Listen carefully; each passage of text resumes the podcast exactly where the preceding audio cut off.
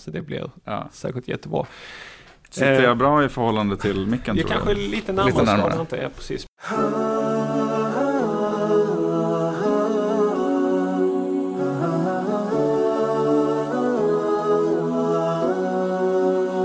Assalamu alaikum och hjärtligt välkommen till Koranpodden. Jag heter Sally och du lyssnar på poddavsnitt 98. Detta är podcasten som hjälper dig förstå Allahs ord och där vi träffar spännande personer och samtalar med dem om Koranen över en kopp kaffe. Det finns människor i våra liv. Jag tror du delar denna känsla också. När vi träffar dem för första gången så är det som om du hade träffat en gammal god vän som du känt under många år. Det är en märklig känsla men samtidigt mycket positiv. Frilansjournalisten Axel Kronholm är en sådan person i mitt liv. Första gången jag lärde känna honom var när han ringde upp mig och hade lite frågor. Han hade nyligen upptäckt Koranpodden och på det sättet lärt känna mig. Efter en tid kontaktade han mig igen och undrade om jag ville ställa upp på ett reportage som han ville skriva för tidningen Vi. Självklart ställde jag upp och det blev en jättebra artikel med rubriken På jakt efter islams svenska dialekt. Nu var det min tur att fråga Axel Kronholm om han ville bli intervjuad av mig för Koranpodden. Han tackade ja, så jag tog tåget upp till Göteborg och träffade honom i Göteborgsmoskén. De ansvariga för Göteborgsmoskén var så snälla och gästfria att de öppnade upp sina dörrar för mig och gav mig ett rum där jag kunde få intervjua Axel och några andra intressanta gäster som du kommer få höra mer av under de närmsta poddavsnitten. Efter att jag gav Axel en snabb guidad tur av Göteborgsmoskén satte vi oss ner och samtalade. Samtalet inleds med artikeln som Axel skrev om Koranpodden. Vi pratar om hans stora passion, Sydostasien. Axel har rest dit där många gånger, bott där och rapporterat och skrivit för de största internationella mediebolagen, bland annat Washington Post, The Guardian, BBC och Al Jazeera. Vi pratar också om Axels minst sagt unika bakgrund och uppväxt på Åland. 2014 blev Axel svensk medborgare. Kan du tänka dig det? Vi pratar om Axels väg in i journalistiken och hans syn på journalistik. Axel berättar också om den etniska utrensningen av rohingya-folket och hur burmesiska muslimer utsätts för islamofobi. I slutet på vårt samtal citerar Axel en vers ur Koranen och ger sin förståelse av den. En mycket intressant och unik syn på Koranversen. Jag är verkligen tacksam att jag fick höra den och jag tror du kommer tycka det är minst lika intressant. Citatet är hämtat ur Sura 6, Al-An'am, vers 59. Innan du ska få lyssna på mitt samtal med veckans gäst, frilansjournalisten Axel Kronholm, så vill jag snabbt spela upp röstmeddelandet som Samir från Malmö ganska nyligen lämnade i vår telefonsvarare. Här är meddelandet som Samir lämnade. Assalamu alaikum wa rahmatullahi wa barakatuh. Jag heter Samir och jag är från Malmö. Jag vill bara passa på att säga att jag älskar denna podd, Koranpodden. Den berör mig och alla andra.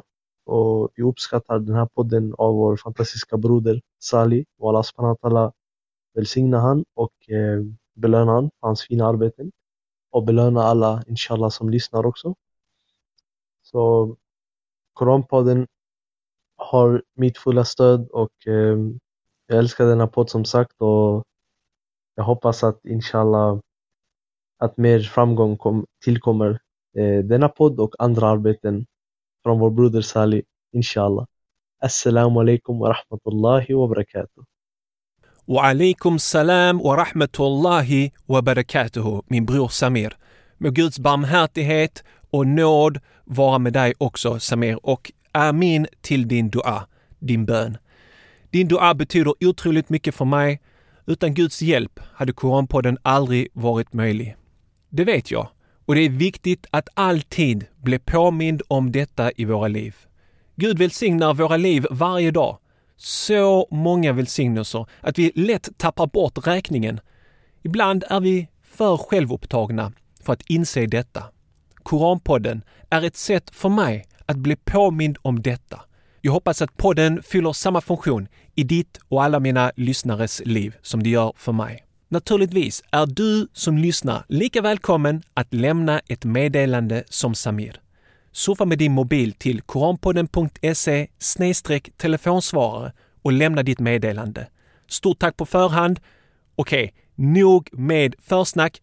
Här kommer mitt samtal med frilansjournalisten Axel Kronholm som med sin vassa penna kämpar för att göra världen till en bättre plats för oss alla.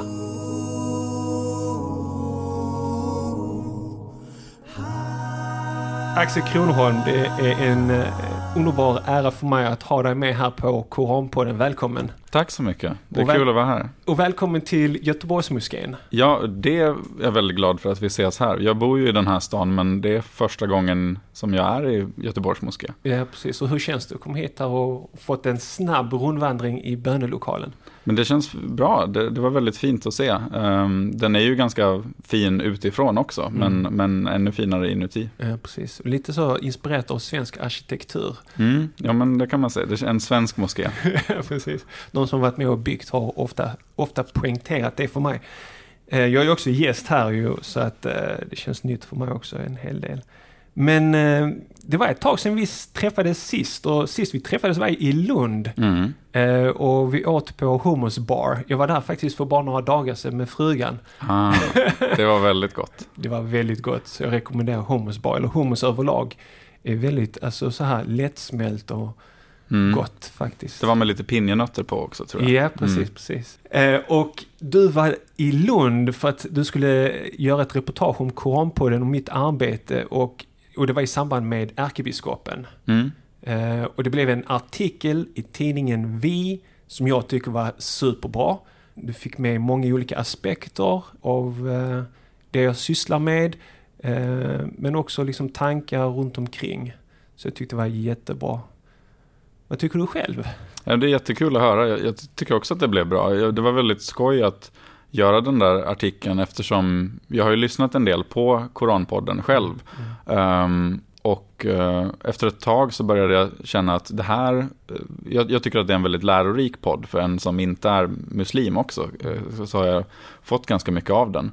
Då kände jag efter ett tag att det här skulle jag vilja berätta om för andra. Och ja, då, då hörde jag av mig till tidningen Vi. Jag jobbar ju som frilansjournalist, så jag har alla möjliga olika uppdragsgivare och så. Ehm, och säljer in idéer till artiklar till, till olika tidningar och, och radio och så vidare. Ehm, och de nappade och tyckte att det var en, en kul idé, så ja, på den Och- vägen var det. Och, och du frågade kan jag komma och göra en intervju? Så, så, och just då hade jag bokat möte med ärkebiskopen. Så jag, jag, jag sa till dig, kom gärna till Lund så kan jag göra ett reportage där direkt på plats med ärkebiskopen. Ja, det passar ju perfekt för jag tror också att eh, tidningen Vi uppskattade det eftersom hon är ju ett, ett känt ansikte, Mm. så någon som deras läsare kan relatera till och liksom vara en, en, en väg in i, i Koranpodden och i det du gör. Och precis, och också det som jag sysslar med, alltså religionsdialog och, och prata med människor från en annan tro.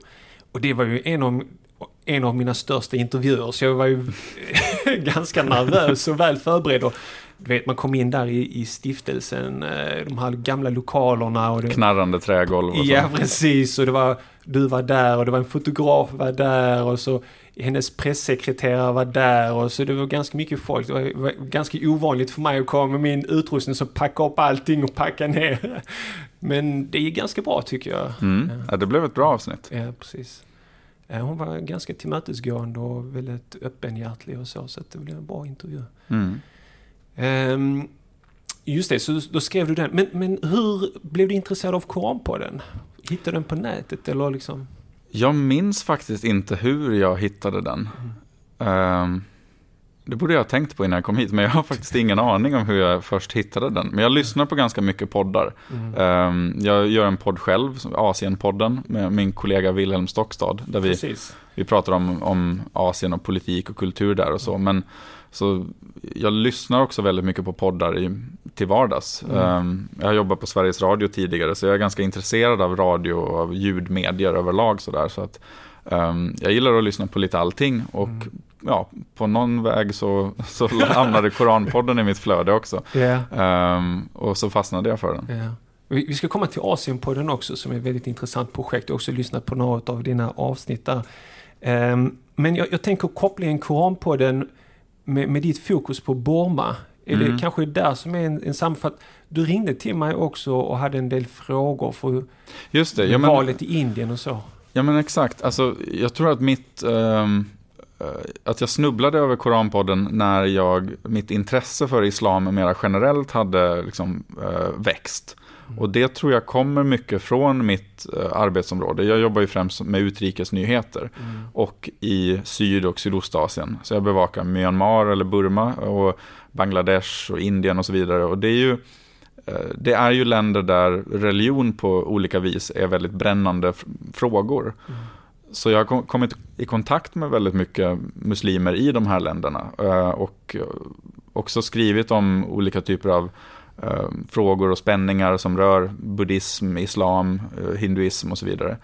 Um, och blivit mycket mer intresserad av trosfrågor generellt på senare år. Eh, så jag tror, och, och då, eh, ja, på någon väg så, så landade den här podden i knät på mig och då kände jag att här eh, har jag ett sätt att, jag menar, att, att lära mig mer om den här religionen som är så, ja, som är väldigt viktig i, för att förstå den här regionen med alltså, Syd och Sydostasien.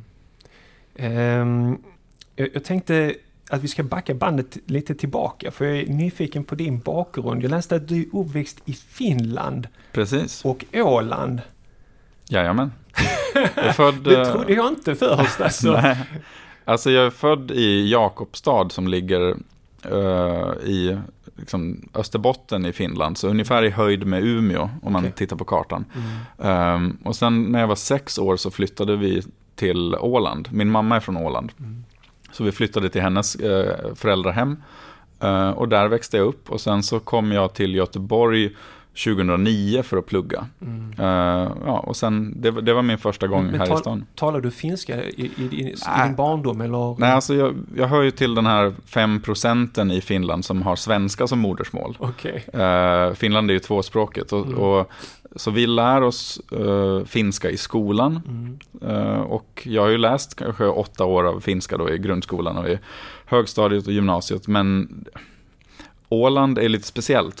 För det, det, är en, det är en ganska liten ö med 30 000 personer. Och den är, till skillnad från resten av Finland, så är den enspråkigt svensk. Okej. Så alla pratar svenska där och, och det, man får ganska få tillfällen att eh, praktisera sin finska. Ah. Så den finska jag har är ju, jag kan mycket ord och en del grammatik, men jag har liksom ingen erfarenhet av att sätta de här orden på plats. Mm. Eh, Så om det kom in en finne här så skulle jag kanske inte kunna ha ett samtal, men jag skulle kunna gissa vad han sa mm, fem minuter efter att han sa det. Eller ja. sånt. Jag behöver lite tid för att klura ut orden. Ja. Så tyvärr, det är ett fascinerande språk. Jag skulle Mm. gärna kunna mera, men det finns där latent bak i huvudet Mm. någonstans. Men Men, men du, du är svensk eller finne eller? ja, jag är... Alltså, vad jag, räknar du dig själv som? ja, nej, Det är exakt. spännande för att det är lite grann med mig och, alltså så, för att jag Ja. är ju, mina föräldrar är från Turkiet, själv är jag född och uppväxt i Sverige. Så man, man har ju den här dubbla identiteten. Och, Verkligen, det har man ju. Alltså, hur, hur i, känner du själv? alltså jag, jag är ju...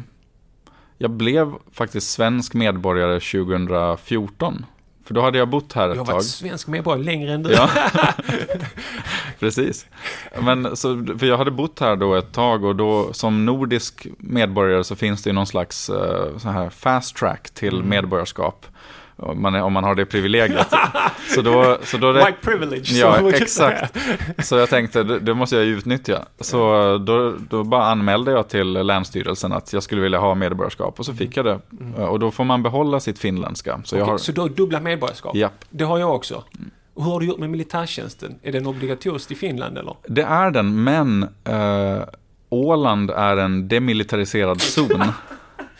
Okej. Det, det är en del i den här dealen, alltså när, när, från början så ville ålänningarna faktiskt höra till Sverige. När Okej. Finland blev självständigt. Ja. Men eh, det, det, ja, det landade i att Åland fick tillhöra Finland, men man fick då vissa, en viss, vissa tröstpriser. Man fick en viss autonomi, alltså ett Ja. självstyre. Så vi har egen flagga och parlament och regering och sådär. Wow. Och, och skydd för det svenska språket. Och där ingick också att Åland skulle vara demilitariserat. Ja. Så att eh, vi som är ålänningar behöver inte göra värnplikten i Finland. Okej. Vi slipper. Så, så jag har inte gjort eh, någon sån. Och nu, alltså. nu då när jag är svensk medborgare, så jag är ju 30 nu, jag tror inte att, att eh, svenska försvaret har så stort behov av, av mig och mina kunskaper. Men Ah, du kan ganska mycket om Burma och andra. ja, om det blir en insats där så, så kan jag, FN-soldat, översättare eller precis. förstå eh, kultur och så. Men, men eh, så, så hur känner du dig själv nu då? Vad identifierar du dig själv som? Eh, jag identifierar mig i grunden fortfarande som finländare, alltså som finlandssvensk. Men, eh, men också allt mer som, som svensk eftersom jag bor här och är medborgare också. Ehm, jag tänker inte jättemycket på det faktiskt. Eh, utan det, det är väl också ett, ett privilegium att inte behöva fundera så mycket på det. Utan jag, jag känns, känner mig ganska självklar när jag är hemma och hälsar på mina föräldrar på Åland i Finland eh, och när jag är här. Ehm, Men har du märkt av några kulturkrockar eller? Ja, sådana finns ju förstås. Alltså, det, nej men, det kan ju handla om allt från Alltså vi är väldigt glada i att bada bastu i Finland till exempel. Det, samma entusiasm finns inte här. Och, ehm, vi... Ja, jag vet inte, det, det finns... Nej, jag, jag, det, vi är mer lika än vad man tror. Det finns ju mycket fördomar om, om finnar. Finnar och liksom, sånt, att de, ja. Och du vet, min pappa hade en eh, granne, eller ja, han hade en granne som var från Finland och vet, när han pratade med min pappa så pratade han, han var inte så glad över svenskar alltså kan jag lugnt säga. Han Mhm. hade ganska mycket eh, åsikter om svenskar eh, Men jag vet inte, det kan kanske grunda sig på att han hade mött en hel del fördomar från svenskar. Mm. Och man kunde höra i hans brytning och så här att han har finsk eh, bakgrund.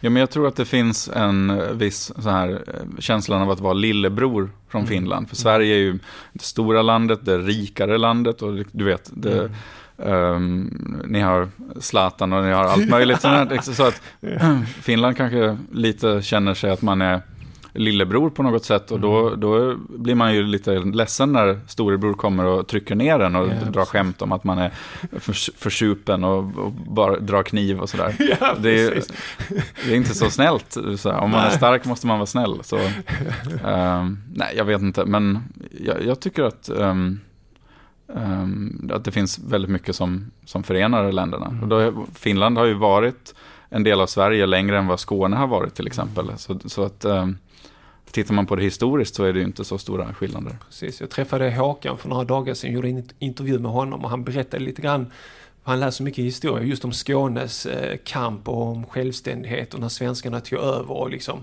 ockuperade och det var ett stort förtryck av skåningar alltså. Så en spännande historia som man inte talar om så mycket. Mm. Eh, men kommer från Finland, Åland, flyttar till Göteborg, eh, intresserar sig för journalistik Mm. och blev frilansare. Berätta lite grann om din utbildning och bakgrund.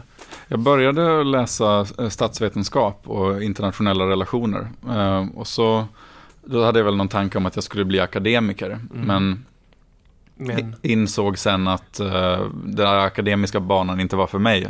Att jag var lite för otålig för det. Och sen så kom jag in på journalistiken. Jag sommarjobbade som reporter på lokaltidningen hemma på Åland. Och tyckte att men det här är ganska kul. Så det, om, om inget annat dyker upp så kan jag ju alltid göra det. vad fick du täcka för nyheter då? Alltså det kan vara allt, någon eh, katt som har sprungit bort eller men, men också eh, stora saker. Vi hade ett bankrån på Åland någon sommar där minns jag som var. Wow. Så, att, så att det, det, högt och lågt. Men, ehm, så jag blev intresserad, jag, jag tyckte det var kul att skriva också. Mm. Så jag sökte in på journalistprogrammet i Göteborg, kom in ehm, och gick ut därifrån eh, efter tre, fyra år. Och hade väl då siktet inställt på att jobba som vanlig anställd, som ja, men, du vet, en trygg anställning sådär.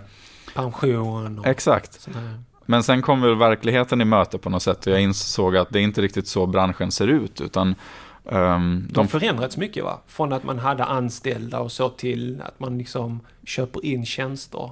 jättemycket. Och att man också utnyttjar uh, vikarier. Så att du får komma in och jobba i 11 månader eller något liknande och sen så gör de sig av med dig och så kan du komma tillbaka efter något år och göra samma sak igen. Och väldigt många av mina kompisar på den tiden var i sådana karuseller att de hoppade från vikariat till vikariat. Och där kände jag att det där vill jag inte göra. Och då så ja, flydde landet, låter dramatiskt, men jag, flytt, jag flyttade till Bangkok i Thailand okay. och, och, började jobba som frilansjournalist för att täcka eh, Sydostasien. Wow! Va, hur, vad var det som gjorde att du bara bestämde dig? Köpte du bara en biljett och bara jag ska vara där? Eller tänkte du det var och varför Bangkok? Jag, varför inte någon annanstans? Jag åkte dit lite på prov och åkte till uh, Myanmar och, och, jobbade där. Um, och sen så mellanlandade jag i Bangkok. Det är ju lite av en, ett nav för resor i, i regionen sådär. Och, och där så lärde jag känna en del frilansare som gjorde samma sak, som jobbade där och som var yngre än mig också. De hade struntat i skolan helt och bara stuckit wow. direkt och börjat skriva och rapportera hem. Uh, och så kände jag väl lite att ja, men det, här, det här skulle kunna funka, för det är ju lite billigare att leva där och billigare med boende och mat och så vidare. Och så började jag räkna på det, att men om jag säljer en eller två artiklar i månaden så då har jag råd med hyran. Och så kan jag sälja en till, då har jag råd att äta och sådär. Och det, det kändes görbart liksom. Ja, precis. Och på den tiden så hade jag ju inget förhållande eller någonting annat som höll mig kvar. Så att då, ja, då, då flyttade jag dit. Var det mycket arbete på nätet då, liksom försöka sälja in i olika reportage till svenska? Eller, för jag, jag, jag, läste här lite grann om dig, det är inte bara svenska nyheter, du har varit, skrivit för Washington Post, stämmer va? Al Jazeera, mm -hmm. BBC, The Guardian. Ja. Wow, hur har du hunnit med det? Nej, men... hur, kan man, hur kan man komma in i alla de här stora mediekanalerna? Alltså det handlar ju om att um, dels är det ju bara att nöta att uh, mycket av frilansarens tid läggs på att sitta och skicka pitchar. Mm. Um, sitter vid sin dator och skriver förslag till olika tidningar och bara skickar ut och skickar ut. Och så får man nej, nej, nej, nej, nej av, av alla möjliga håll. Så att det, man får verkligen liksom härda sitt uh, psyke för att ta ett nej. Mm. Men det krävs ju bara att någon säger ja, mm. så kan man göra den storyn för dem. Och förr eller senare så lär man sig lite vad som funkar och sådär. Och så blir nejen färre och jana blir flera. Um, så, och sen handlar det ju förstås om att hitta bra stories, sånt som de där tidningarna är intresserade av. Vad är en bra story då? Vad ska ingå i en bra story? Alltså, det ska ju vara någonting oväntat gärna, tror jag. Som, uh, för mycket, mycket idag handlar ju om att fånga uppmärksamheten hos uh, folk, hos läsare, hos konsumenterna. Mm. Uh, de sitter och scrollar i sina flöden och det är jättemycket nyheter från alla möjliga håll. Så då vill man ju ha den där grejen som någon stannar upp på och tänker, vänta nu, vad är det här? Mm. Um, så ja, att, att, ha grejer som sticker ut lite.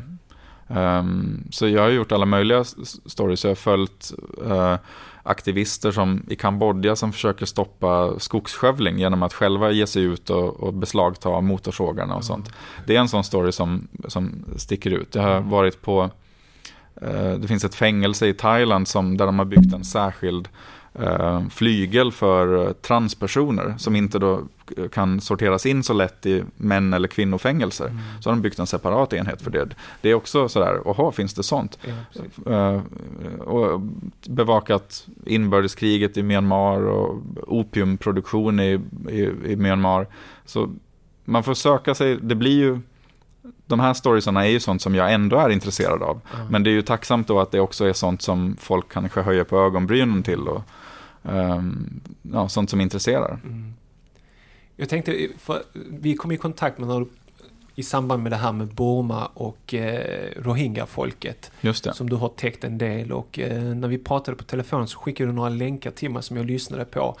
Eh, jag tror var, att du var i Burma och, och, träffade muslimer som bad där, eller var det Bangladesh? Nej, det var nog Burma. Det var nog Burma. Och de bad ute nästan på gatan lät det som och de fick direkt efter bönen så fick de skingras för att stanna de liksom efter bönen så ansågs det som uppvigling och så vidare. Mm. Um, vill du beskriva lite grann dina upplevelser och erfarenheter av att... Mm. Ja, men vi kan, tala, vi kan prata lite om Burma. För Um, jag säger både Burma och Myanmar. Det, ja, vad, är skillnaden? Myanmar är, är, det nya namnet på landet. Um, de flesta medierna har gått över till att också säga Myanmar, men jag menar Burma är inte fel på det sättet. Det bety- båda orden betyder exakt samma sak på burmesiska, så att det, är, det är en smaksak bara. Men, så, vi, så vi kan växla fritt. men det som har hänt där är ju att um, Rohingya-folket har de flesta säkert hört om, då, särskilt de som lyssnar på, på din podd. Um, det är ju en, en folkgrupp, de är kanske mellan två och tre miljoner i antal.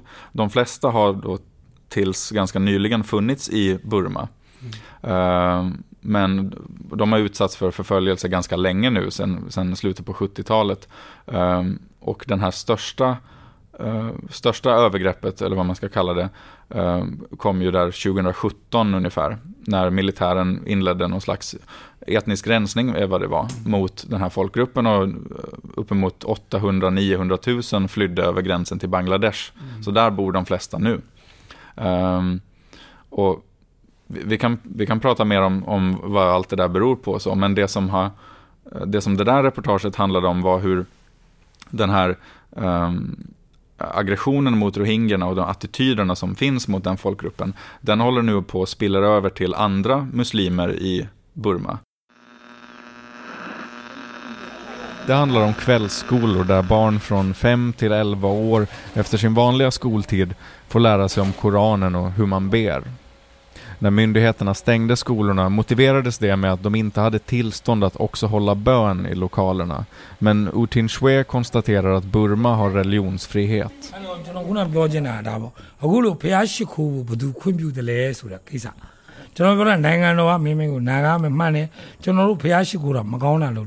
Vem säger om vi får be eller inte? Ingen ska behöva ge oss lov. Det är inte som att dricka alkohol eller använda droger. Vi pratar om bön. Och i vår grundlag har vi religionsfrihet, säger han. Och Utin Shwe får stöd av bland annat Human Rights Watch som i ett uttalande skriver att skolorna måste öppnas igen omedelbart och att hotet att åtala arrangörerna bakom gatubönen är ytterligare ett bevis på hur Burmas regering misslyckas med att skydda religionsfriheten. Mm. Det, det, är inte bara rohingyer som är muslimer där, utan det finns ju, muslimer har en väldigt lång historia i Burma. De första kom dit på 800-talet som, som handelsmän. Eh, många började jobba eh, som, som, köpmän eller en del åt häst, som hästskötare åt kungen och gifte in sig i samhället. De flesta var ju män. Så de gifte sig med lokala kvinnor och de integrerades på sikt och sådär. Så att eh, muslimer har ju funnits i Burma långt innan det ens blev ett eget land. Så, så de har en väldigt lång historia där. Men de börjar nu känna ett eh, ökat tryck eh, av islamofobi och av också en stat som blir mer och mer eh, negativt inställd mot mm. dem. Så just de, för du var där direkt på plats efter att de hade bett klart, tror jag. Du var där med mikrofonen Exakt. och... Det här var i, nu ska vi se om det var 2017, tror jag. Det var under Ramadan. Mm. Och det som hade hänt då var att eh, myndigheterna, hade, hade, myndigheterna i den kommunen där de bodde, de hade stängt ner deras moské. De hade en skola som också funkade som samlingslokal och moské. Den hade stängts ner. Eh, så de var ju tvungna att fortfarande be någonstans och då hade de börjat be på gatan. Så de rullade ut en presenning och sådär så de kunde, de inte behövde vara direkt på asfalten. Och så höll de sin bön och så bröt de fastan och så, och så åt de. Och sen väldigt kvickt så rullade de ihop allting och liksom försvann iväg så att det inte skulle bli några, några problem. Men det visar ju väldigt tydligt hur, um, hur den där islamofobin som från början var riktad mot rohingyerna mm. har börjat sprida sig uh, och blivit liksom en uh, policy att man trakasserar burmesiska muslimer på det sättet. Att de tvingas nästan göra det i smyg, utöva sin religion sådär. Mm. Och, och rohingya-folket, träffade du dem i Burma eller träffade ja. du dem i Bangladesh? För du har även varit i Bangladesh. Ja, jag, jag har träffat dem i, jag har varit i, i Rakhine-staten, heter den delstat där de finns. Uh, jag var där 2014. Uh, eh, då, på den tiden så, och fortfarande idag så finns det drygt 100 000 rohingyer som bor i eh, internflyktingläger i Burma. Mm. Eh, de har fördrivits under tidigare våldsvågar så här, och, och hamnat i de här lägren. Då. Och de här lägren är mer eller mindre någon slags fångläger. Alltså de får inte lämna dem hur de vill. Eh, de, har inget, de har inget medborgarskap i heller. Nej, precis. Mm. Så de lever där som statslösa och regeringen begränsar tillträde för eh, journalister, inte minst. Så det var väldigt svårt när jag var där för att få tillträde. De begränsar tillgången på, eh, på humanitär hjälp. Och begränsa rörelsefriheten för de här människorna. Så det är ju i praktiken en slags apartheidpolitik som de uh, upprätthåller där i, mm. i västra Burma. Um, Vad var det du såg i de här flyktinglägren? Eller? För när man ser bilderna så ser man alltså väldigt fattigt folk. Utmärglat. Eh, alltså man ser smärtan i deras ansikte. Man ser att... Mm. Det var mycket så. Det, det är väldigt illa i de där lägren. Um, särskilt när det gäller bristen på vård och kvalificerad vård och mediciner. Så folk sitter ju och, och, tynar bort många av dem. Det, um, det låter hemskt att säga det, men, men det är ju så det är. Mm. Um, och det, det finns en, jag märkte en väldigt stor desperation. Mm. När jag var där så gjorde jag ett reportage om människor då som hade skickat iväg sina barn med eh, människosmugglare för att i hopp om att de skulle kunna komma bort från lägren och få en bättre framtid i Malaysia eller i Thailand. Det som ofta hände eh, med de som åkte iväg med de här smugglarna var att de blev lurade. De hade kanske fått höra att det här ska kosta eh, 500 dollar att få göra den här resan till Malaysia och så um, halvvägs in så ringer smugglaren till föräldrarna och säger ni måste betala 2000 dollar. För annars kommer ni inte att få se, eller annars dödar vi er unge. Um, och de här smugglarnätverken, de hade byggt upp som liksom fångläger i djunglerna på gränsen mellan Thailand och Malaysia. Där de, mm. dit de tog de här flyktingarna och höll dem tills de fick lösensumma från föräldrarna. Så att det var ju, man kan ju tänka bara det att skicka iväg sitt barn med en eh, smugglare, det visar ju på en desperation. Mm. Och många hade ju fått sälja allt de hade och belåna sig för att ha råd med de här 500 dollarna från början. Och sen då så kommer det ännu mera som man ska betala på det. Så att en, en otrolig desperation som fortfarande finns kvar. Och, och eh, sen när det gäller de som har flytt till Bangladesh så eh, utgår jag för, från att den desperationen finns också där. Där är de ju åtminstone säkra eh, för tillfället. Mm. Men det måste ju vara en väldigt speciell känsla att inte känna att man har någonstans något hem. Mm. För Myanmar vill inte ha de här människorna och Bangladesh vill ju inte egentligen heller ha dem där permanent. Mm. De är väldigt noga i Bangladesh med att säga att det här är inte eh, liksom ett permanent boende utan de ska härifrån så småningom när det är möjligt. Um, så ja, det, det, är väldigt svårt att tänka sig var de här, och det är många människor vi pratar om, det är ju över en miljon då som finns i Bangladesh i de här lägren. Vart, vart ska de ta vägen? Vem ska erbjuda ett hem för dem? Mm. Hur gör man då som journalist när man träffar de här människorna som är i sån desperation? Hur förhåller man sig rent?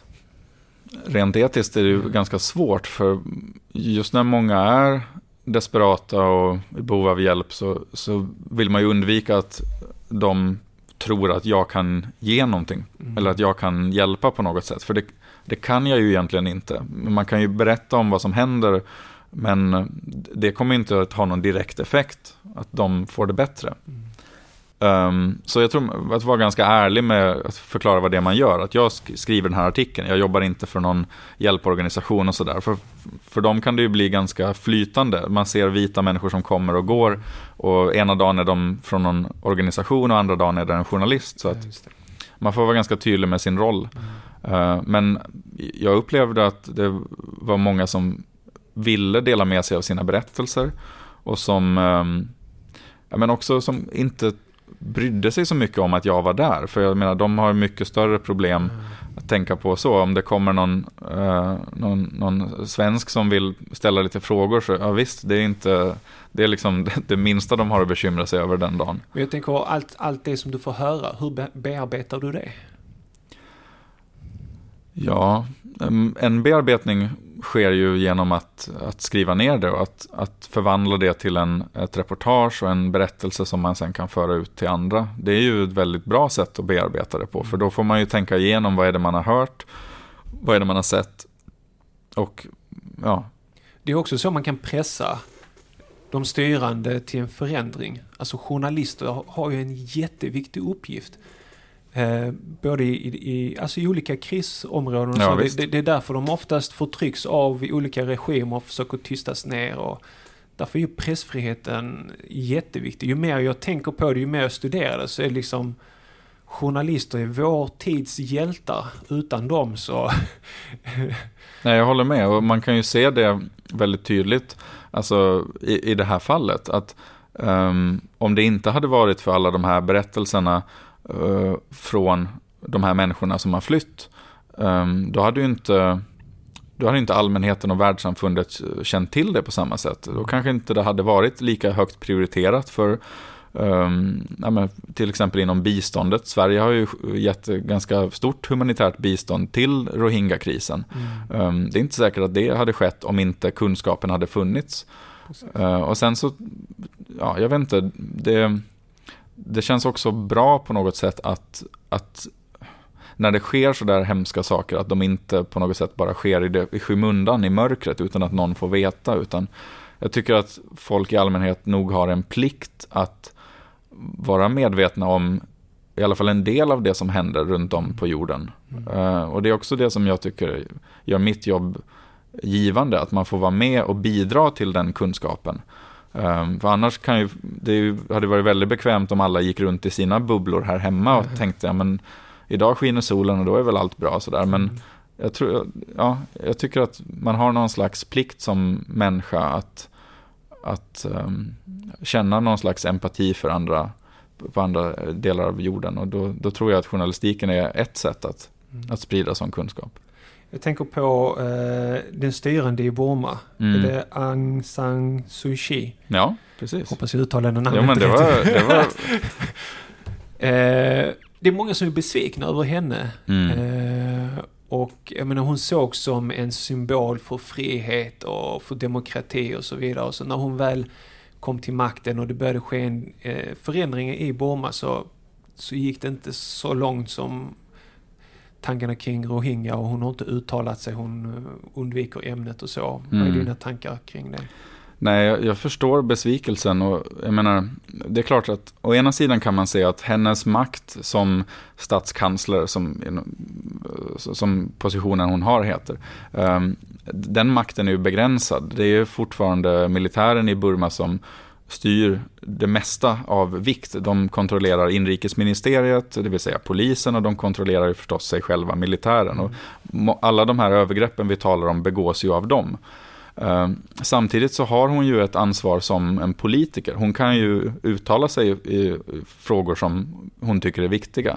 Mm. Det som har varit väldigt sorgligt i det här fallet är att se att hennes eh, civila regering, alltså hon själv och hennes parti, har bidragit till att sprida den här antimuslimska propagandan mot rohingyer. Mm. Så hennes eh, liksom, egen administration har spritt eh, bilder på sociala medier där man har visat uh, vet, folk med vapen och så har man hävdat att det här är militanta rohingyer. Och sen har det upp, uppdagats att det här är inte alls det. Den här bilden är från Bangladesh uh, självständighetskrig 1971 eller sådär. Så, att, så hon, det är inte bara det att hon har varit passiv utan hon har aktivt bidragit till att piska upp de här antimuslimska stämningarna i Burma. Och det är ju någonting hon måste stå till svars för också.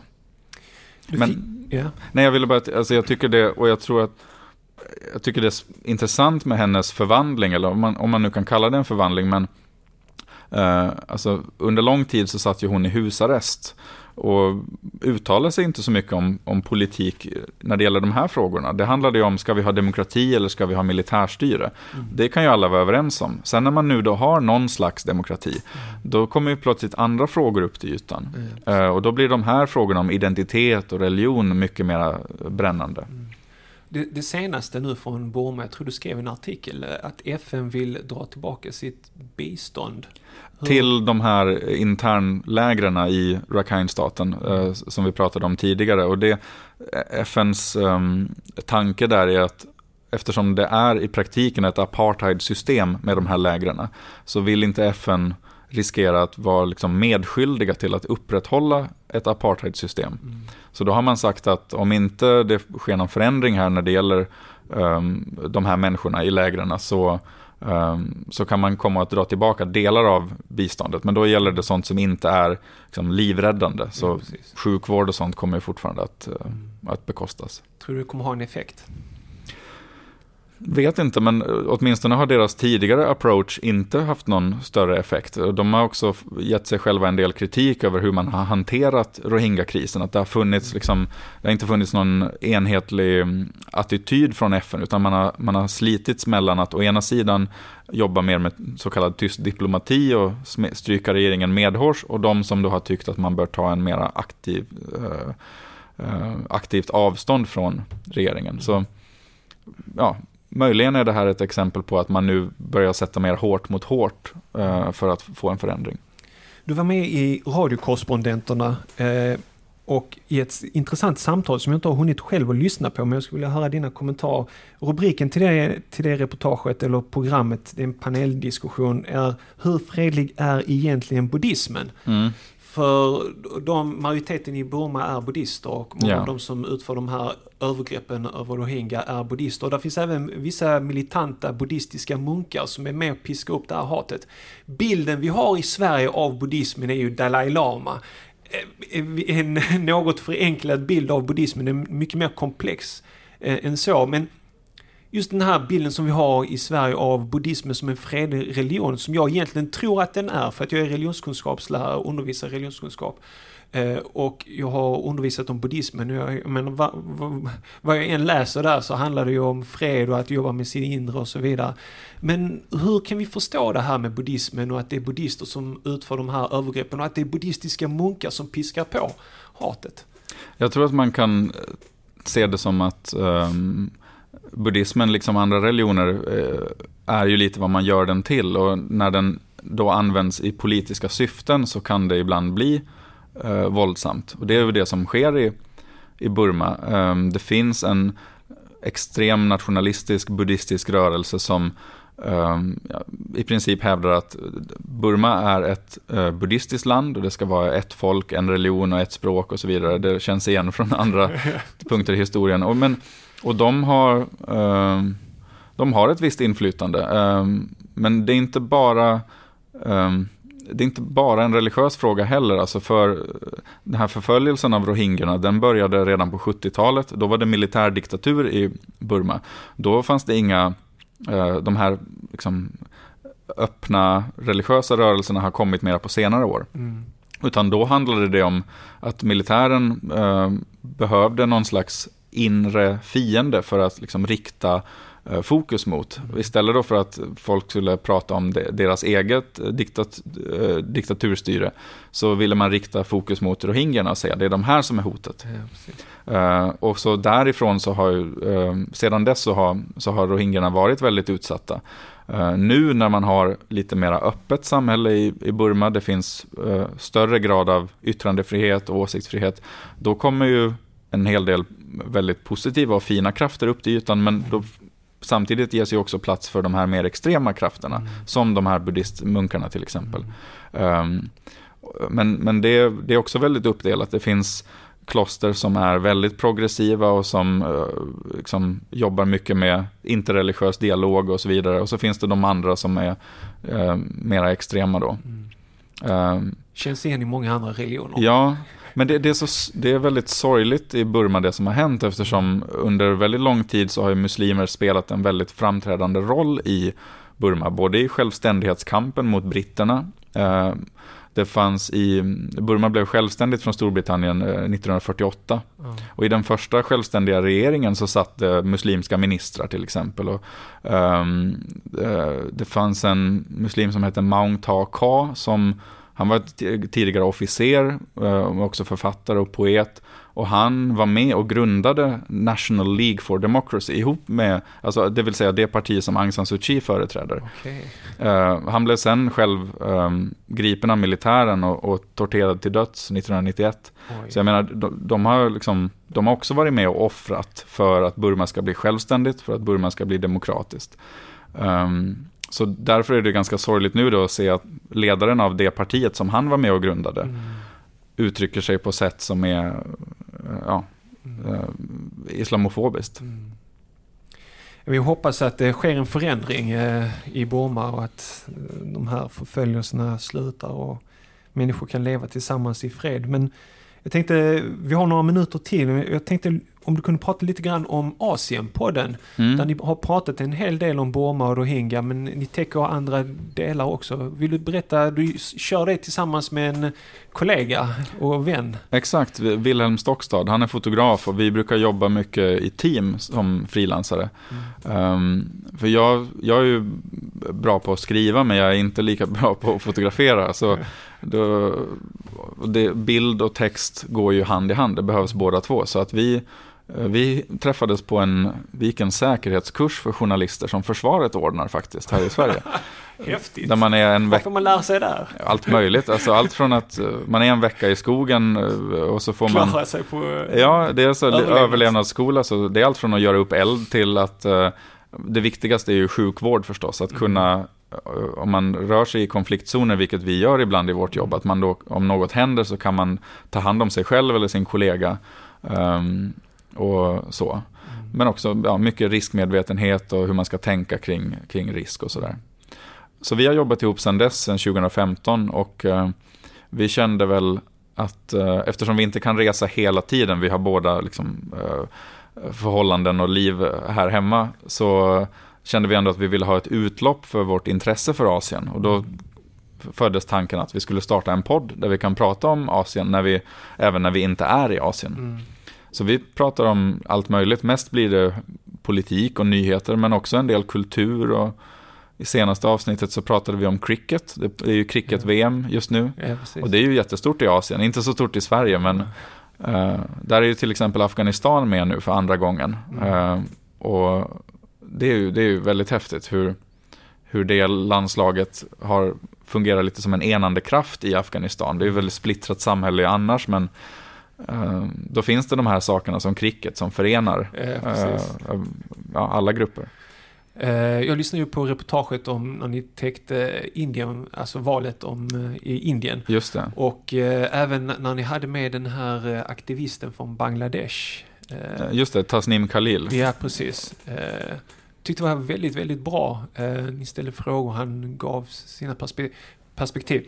Det som jag tycker är fantastiskt med poddar är att man kan hitta de här intressena. Nu är inte Asien på det någon särintresse, men, men ändå ett intresse och där är människor som är djupt eh, kunniga i det här området och hittar folk som också är kunniga. Så att poddar är ett fantastiskt medium för att liksom fördjupa sina kunskaper när man är på väg till och från jobbet eller om man står och diskar och så vidare.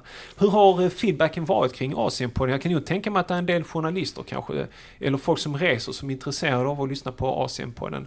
Eller folk som är intresserade av politik. Ja men precis, jag, jag tror att det är lite den målgruppen vi siktar på. Sådana som är som oss som eh, är fascinerade av Asien men som kanske tycker att eh, det är alldeles för lite av Asien i eh, vanliga nyhetsmedier.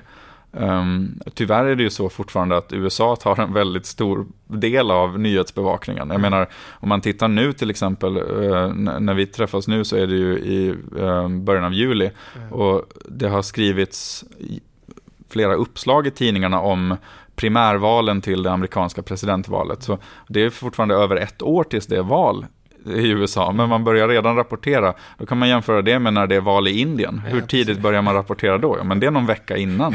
Alltså, och, och där känner väl vi att liksom, vi vill prata om sånt som inte bara är de här stora nyheterna, utan vi vill prata om, om eh, triviala saker också, eller roliga saker som cricket, eller om hur det går för Thailand i fotbolls-VM, eller något sånt. Ja. Eh, Så det tycker vi är ett, ett, ett bra utrymme för det, och där passar ju podden också, att det kan vara lite mer ledigt eh, än en nyhetssändning. Mm. Så om mina lyssnare vill lyssna på Asienpodden, hur går de tillväga då? Då är de varmt välkomna över. Vi, eh, då söker man upp Asienpodden. Den finns på Spotify och på samma ställen där man hittar Koranpodden. Ja, underbart.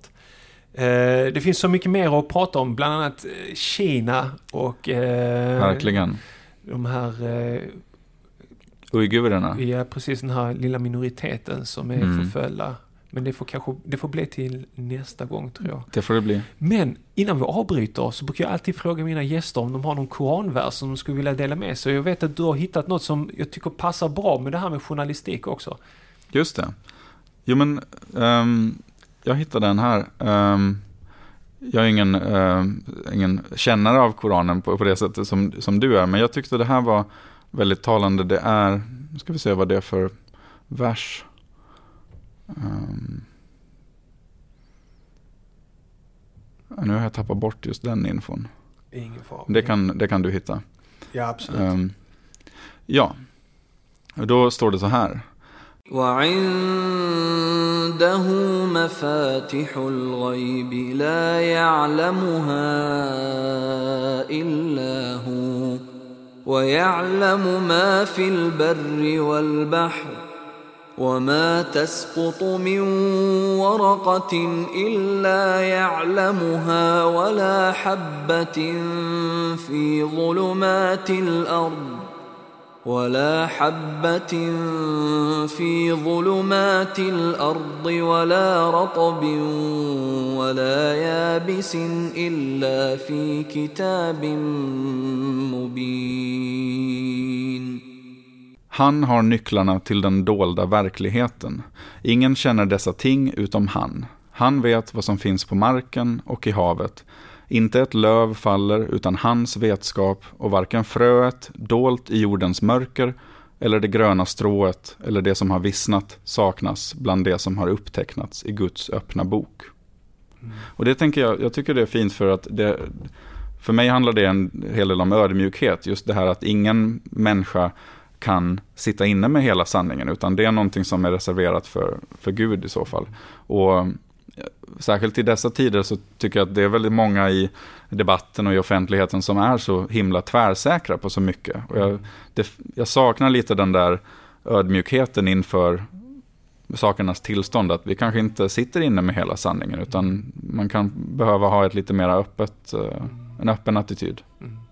Och nu tror jag vi hör bönutropet här. Det gör vi, ja, passande. Precis. Ja, precis. Tusen tack, fantastisk eh, tolkning på det där. Jag instämmer helt och hållet. Eh, faktiskt en tankeställare för, för mig som troende att, att eh, vara ödmjuk. Att i slutändan så är det faktiskt Gud som har den hela kunskapen. Eh, vi, vi muslimer brukar alltid säga efter att vi har sagt någonting om islam eller något om Gud så säger vi på arabiska Allahu alam. Gud vet bäst. Mm -hmm. Så till exempel om man kommer med något fatwa, sån här eh, eh, religiöst utlåtande mm. så, så tillägger man alltid Gud vet bäst. Så jag gör mina yttersta ansträngningar för att komma fram till vad Gud menar med den här koranversen.